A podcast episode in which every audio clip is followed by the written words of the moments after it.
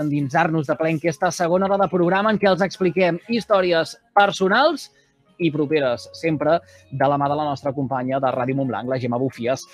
Gemma, bona tarda, bon divendres. Bona tarda.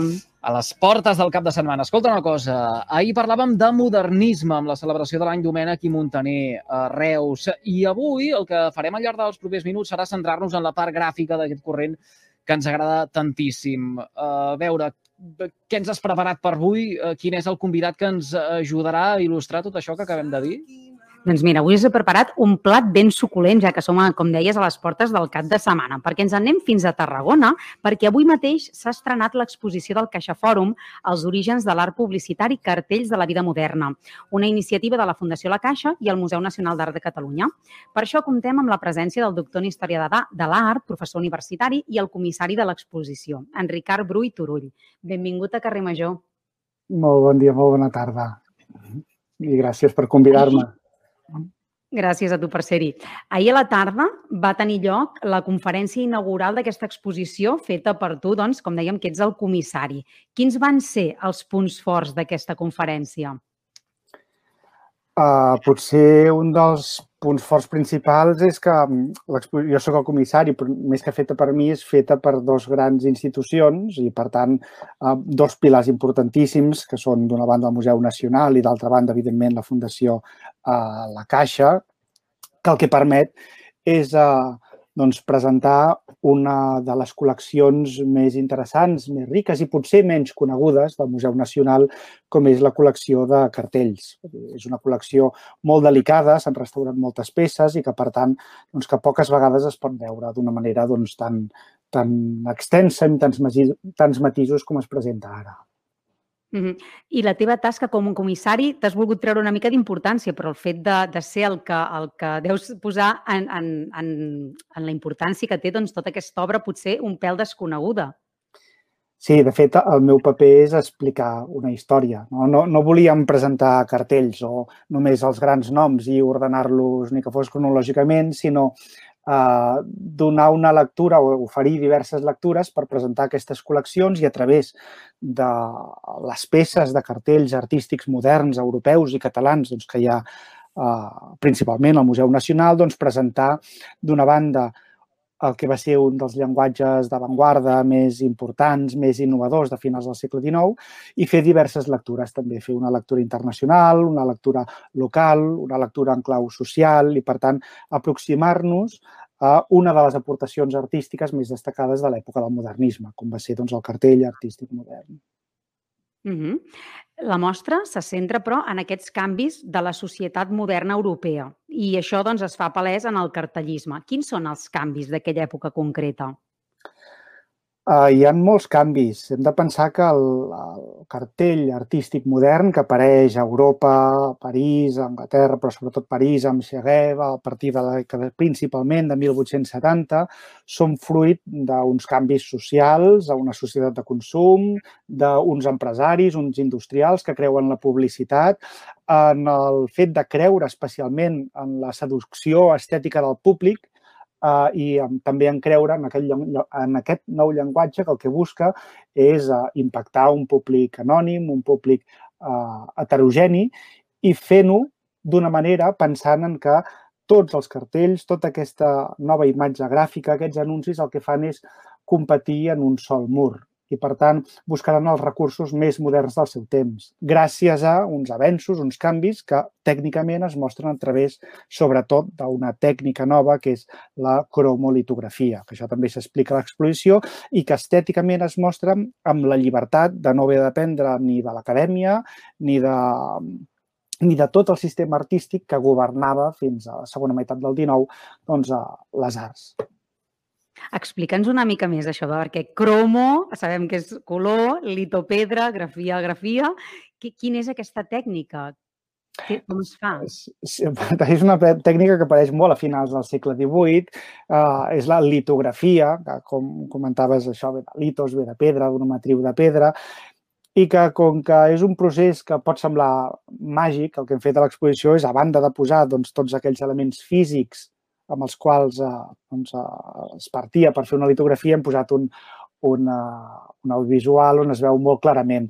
Molt sintèticament, eh? molt sintèticament seria partint d'una matriu de pedra amb un llapis gras, es fa el dibuix que es vol representar, després serà una mica més complex, però simplificant, es fa un dibuix amb llapis gras sobre una pedra, Uh, després s'hi aplica un corró, s'hi aplica una tinta, tota la superfície i amb aquest procés que dèiem màgic, que no és màgic per una sèrie de productes, doncs després amb l'aigua s'esbandeix i la, la tinta queda enganxada doncs, a, al dibuix que s'ha fet. De tal manera que quan es posa el paper i es passa pel tòrcul, es passa per una mena de premsa, doncs queda imprès només allò que s'ha dibuixat.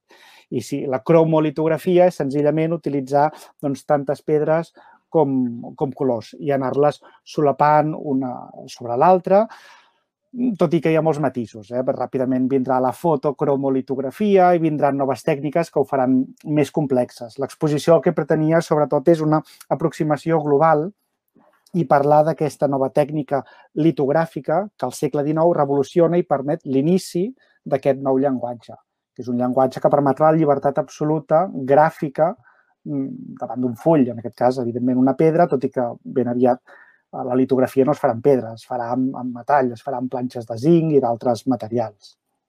Uh -huh.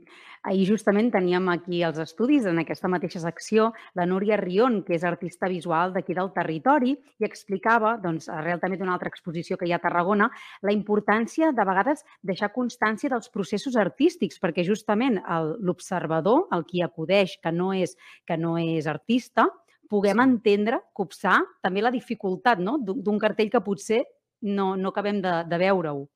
Clar, no, per això és el que dèiem abans. No volíem que fos una exposició de grans noms, hi ha els grans noms, però no volíem que fos només això, ni, ni una simple ordenació cronològica, sinó que en aquest cas doncs, tenim un àmbit específic sobre la litografia, on hi ha peces úniques. Tenim, per exemple, un dels cartells més importants del modernisme català és el d'Anís del Mono, un dels grans concursos de l'època.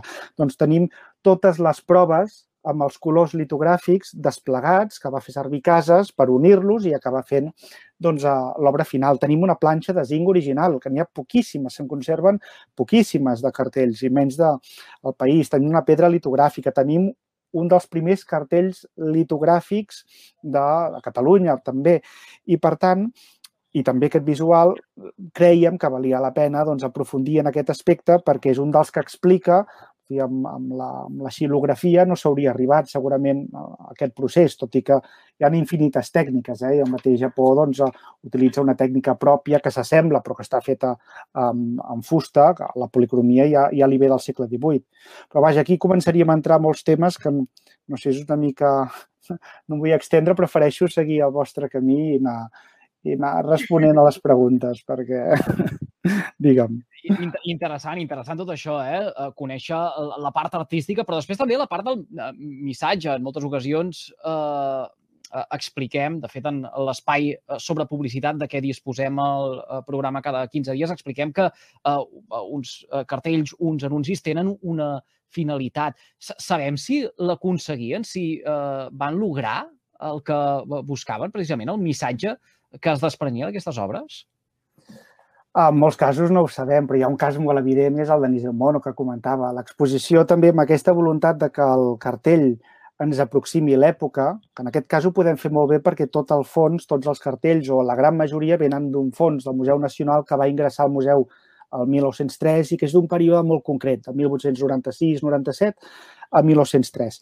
Bé, entre aquests doncs, hi ha el, el cartell d'Anis del Mono i l'hem acompanyat de en, molts, en altres casos també, d'objectes, que són els objectes de publicitat. En aquest cas hem posat una vitrineta amb tot d'ampolles d'anís del ciervo, anís de l'abeja, l'anís del león, l'anís... tots els anissos que el que ens mostren és l'impacte publicitari i com aquestes campanyes, en alguns casos, com és el cas de, de, de del Mono van tenir un enorme èxit uh, social. Però, clar, en molts casos tampoc ho podem saber. Hem de pensar que la tria que s'ha fet a banda d'escollir els grans noms de, internacionals, també hem buscat cartells que per si sols, encara que fossin anònims, fossin interessants perquè ens ajudaven a explicar aquesta idea que qui fa l'encàrrec de fer un cartell, a vegades feia l'encàrrec a un artista perquè era un artista important, però a vegades l'artista, el nom de l'artista no era tan important, sinó eh, que fos una obra original que fos trencadora, que fos lliure i d'aquí doncs, que pogués jugar en formes sintètiques, en formes caricaturesques, amb tipografies impossibles, etc. I això a l'exposició es veu molt bé. Tot aquest joc, aquesta diversitat, aquesta llibertat i aquesta riquesa d'uns artistes, d'uns empresaris que compartien gràficament per comunicar de manera directa i perquè el seu crit, aquest silenciós, enganxat a la paret, fos el que destaqués per sobre doncs, de, de la resta de cartells amb els quals estava compartint espai. Uh -huh. uh, quan hem començat l'entrevista parlàvem d'aquest context que, evidentment, l'art no es pot desvincular del moment històric en què, en què viu, no? I, I, clar, és el moment en què s'inicia el consumisme i a partir d'aquí, doncs, el cartell fa ressò de tota aquesta sèrie de productes que algú vol que tota la societat no, els, els acabi consumint. Sí, sí, sí, sí és un reflex de tota la societat. Fins, fins i tot hi ha una secció a l'exposició que, és, eh, que parla del propi consumisme del, del cartell no? i com comença l'auge, la difusió del col·leccionisme de cartells, les exposicions de cartells, etc.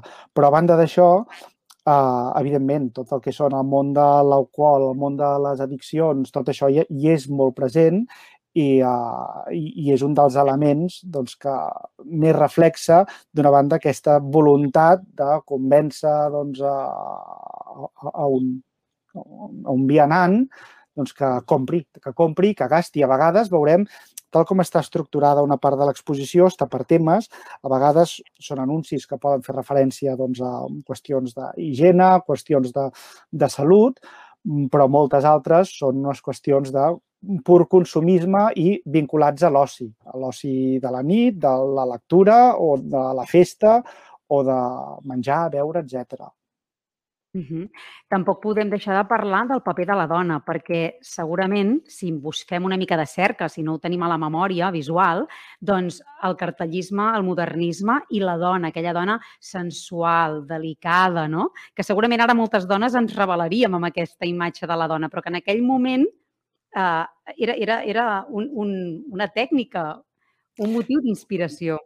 Sí, de fet, el que busquen eh, els que fan els encàrrecs és eh, treure la mirada i des d'una mirada masculina doncs la dona passarà a ser, no només, l'exposició té un apartat dedicat precisament a això, a destacar com a musa, però també sobretot com a, com a objecte. El, el gran concurs de, de l'època del Figarillos París doncs qui guanya és una, una dona amb un pit descobert totalment innecessari. Trobem pits per tot arreu, trobem imatges eròtiques camuflades no tan camuflades per tot arreu i la dona passa a ser un reclam, passa a ser un objecte per atraure la mirada del comprador.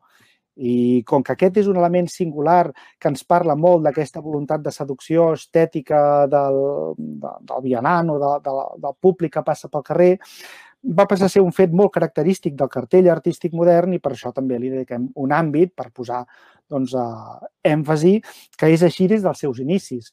El pare del cartellisme modern, Cheguet, aquest artista francès, era famós també per aquests retrats doncs, de dones de cabell pèl roig, de, uh, sempre amb un somriure, uh, que feia servir exactament igual l'exposició un cartell que anuncia um, un aperitiu i un altre que anuncia petroli i la imatge és exactament la mateixa, la mateixa dona fent pràcticament doncs, el mateix, de la mateixa manera que per anunciar doncs, un sanatori de sífilis es busca la dona, la dona prostituta, la dona culpable, la dona també sensual, culpable de tot, fruit d'una imatge de la dona que en l'art del segle XIX és especialment estès, que és la dona com a origen del mal o la fem fatal, la dona que abraça, fins que t'estrangula i et mata. És a dir, una, una, una imatge de la dona 100% culpabilitzadora. I tot això ho reflexa també el món del cartell de l'època.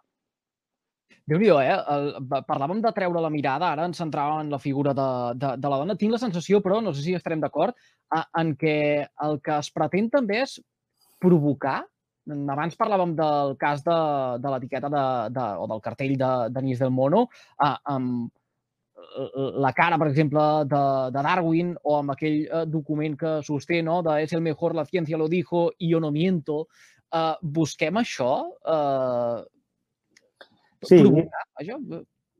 Sí, sí, sí, no? i també provocar i, i es busquen tots els recursos. Hi ha un cartell, de, crec que és d'absenta, que surt un, un home que està seduint amb una, bueno, és una imatge que s'està menjant a la dona directament. Hi ha un altre de dos cerveses que és anònim on hi ha les reaccions de l'alcohol que, es, que hi ha hagut sempre, no? els qui s'ho pren bé i qui s'ho pren malament.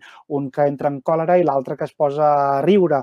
Uh, es busquen en molts casos també situacions extremes i d'alguna manera el que es busca és aquest llenguatge lliure que és el que diferencia el cartell de moltes de les arts o, o el camí estàndard, el camí oficial de l'art de, de l'època. Uh, tu estàs especialitzat en l'art del segle XIX i XX i en concret de l'art japonès no? i el japonisme a Catalunya. Uh, què hi ha de japonisme en el modernisme? Bufa. Això és una, una conferència, no? Sí, sí, sí, tant, i tant, no acabaríem. No, però a l'exposició precisament també hi ha un, un apartat, no? com potser els oients pensaran que hi ha masses apartats. Hi ha molts apartats perquè precisament volíem fer aquestes lectures transversals també. Però, mm, clar, a veure, només que mirem uh, l'obra de Degas, o de Monet, de Lautrec o de Van Gogh, que són les icones de l'impressionisme i el postimpressionisme, si rasquem una mica, veuríem que tenien tots col·leccions d'art japonès i que tots ells van dir clarament, van explicar i és àmpliament conegut que la seva obra està marcada profundament per l'art japonès. En el cas del cartell, això es veu de maneres molt diferents, però una molt gràfica és que uh, l'estampa japonesa, uh, tal i com arribava aquí a finals del segle XIX, era una estampa polícroma, uh, xilogràfica, amb un, meta, un mètode xilogràfic propi japonès, que el que permetia és treballar amb colors i amb colors plans i amb contorns contrastats i amb una llibertat compositiva, formal, Uh, totalment diferent a la tradició europea, amb unes perspectives totalment diferents, amb, un, amb uns contrastos de plans absoluts. I el cartell artístic modern el que vol és impactar, trencar amb la tradició i gràficament sorprendre, atraure de manera clara.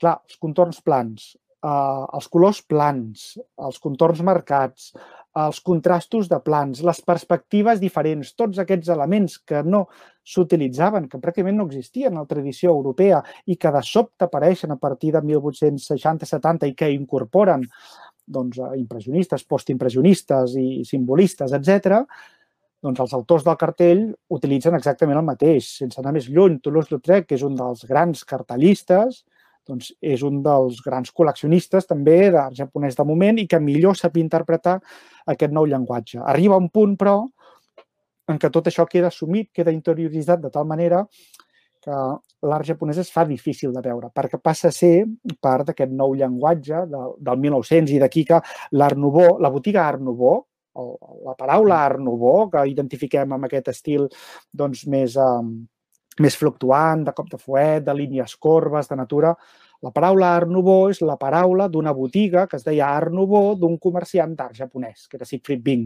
que va començar així i va anar evolucionant però ho podríem, vaja, com dic, no, no, no sabria com sintetitzar massa més, sinó um, doncs, uh, animar el visitant que visiti l'exposició i hem posat, per exemple, només un gravat de Hiroshige amb una estampa, del, un, perdoneu, amb un cartell del 1895-96, on si els poses un al costat de l'altre veus que el llenguatge gràfic, malgrat representar coses absolutament diferents, és exactament el mateix.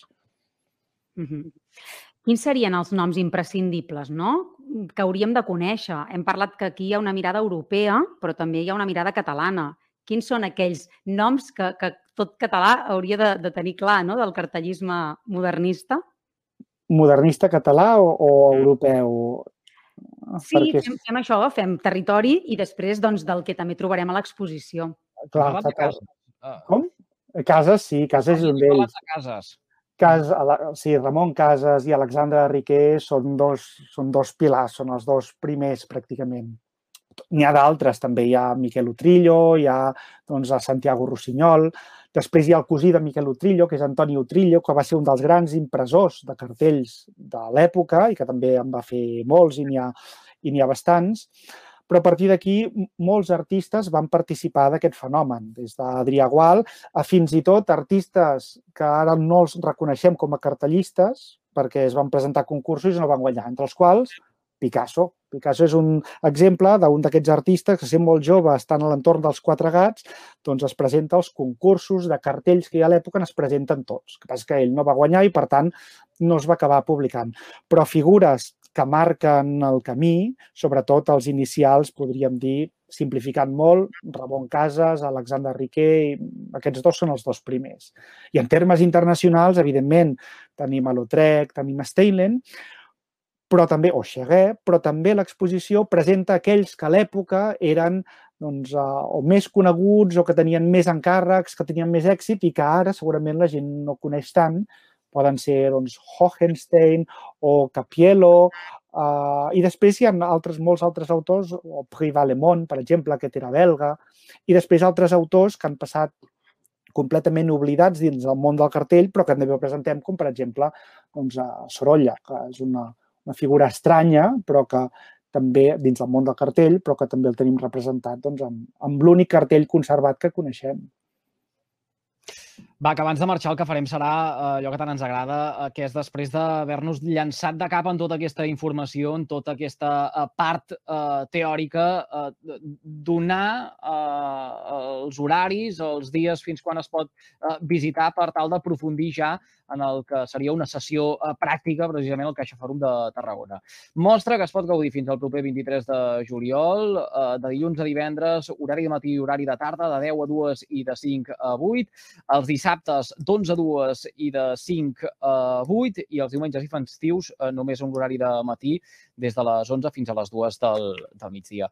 Ricard Bru, moltíssimes gràcies per eh, fer-nos confiança per acceptar la invitació del carrer Major de les emissores de la xarxa al Camp de Tarragona. Al contrari, gràcies a vosaltres. Ricard Bru, que és doctor en Història de l'Art i el comissari d'aquesta exposició. Els orígens de l'art publicitari, cartells de la vida moderna que hi ha instal·lada al Caixa Fòrum de Tarragona.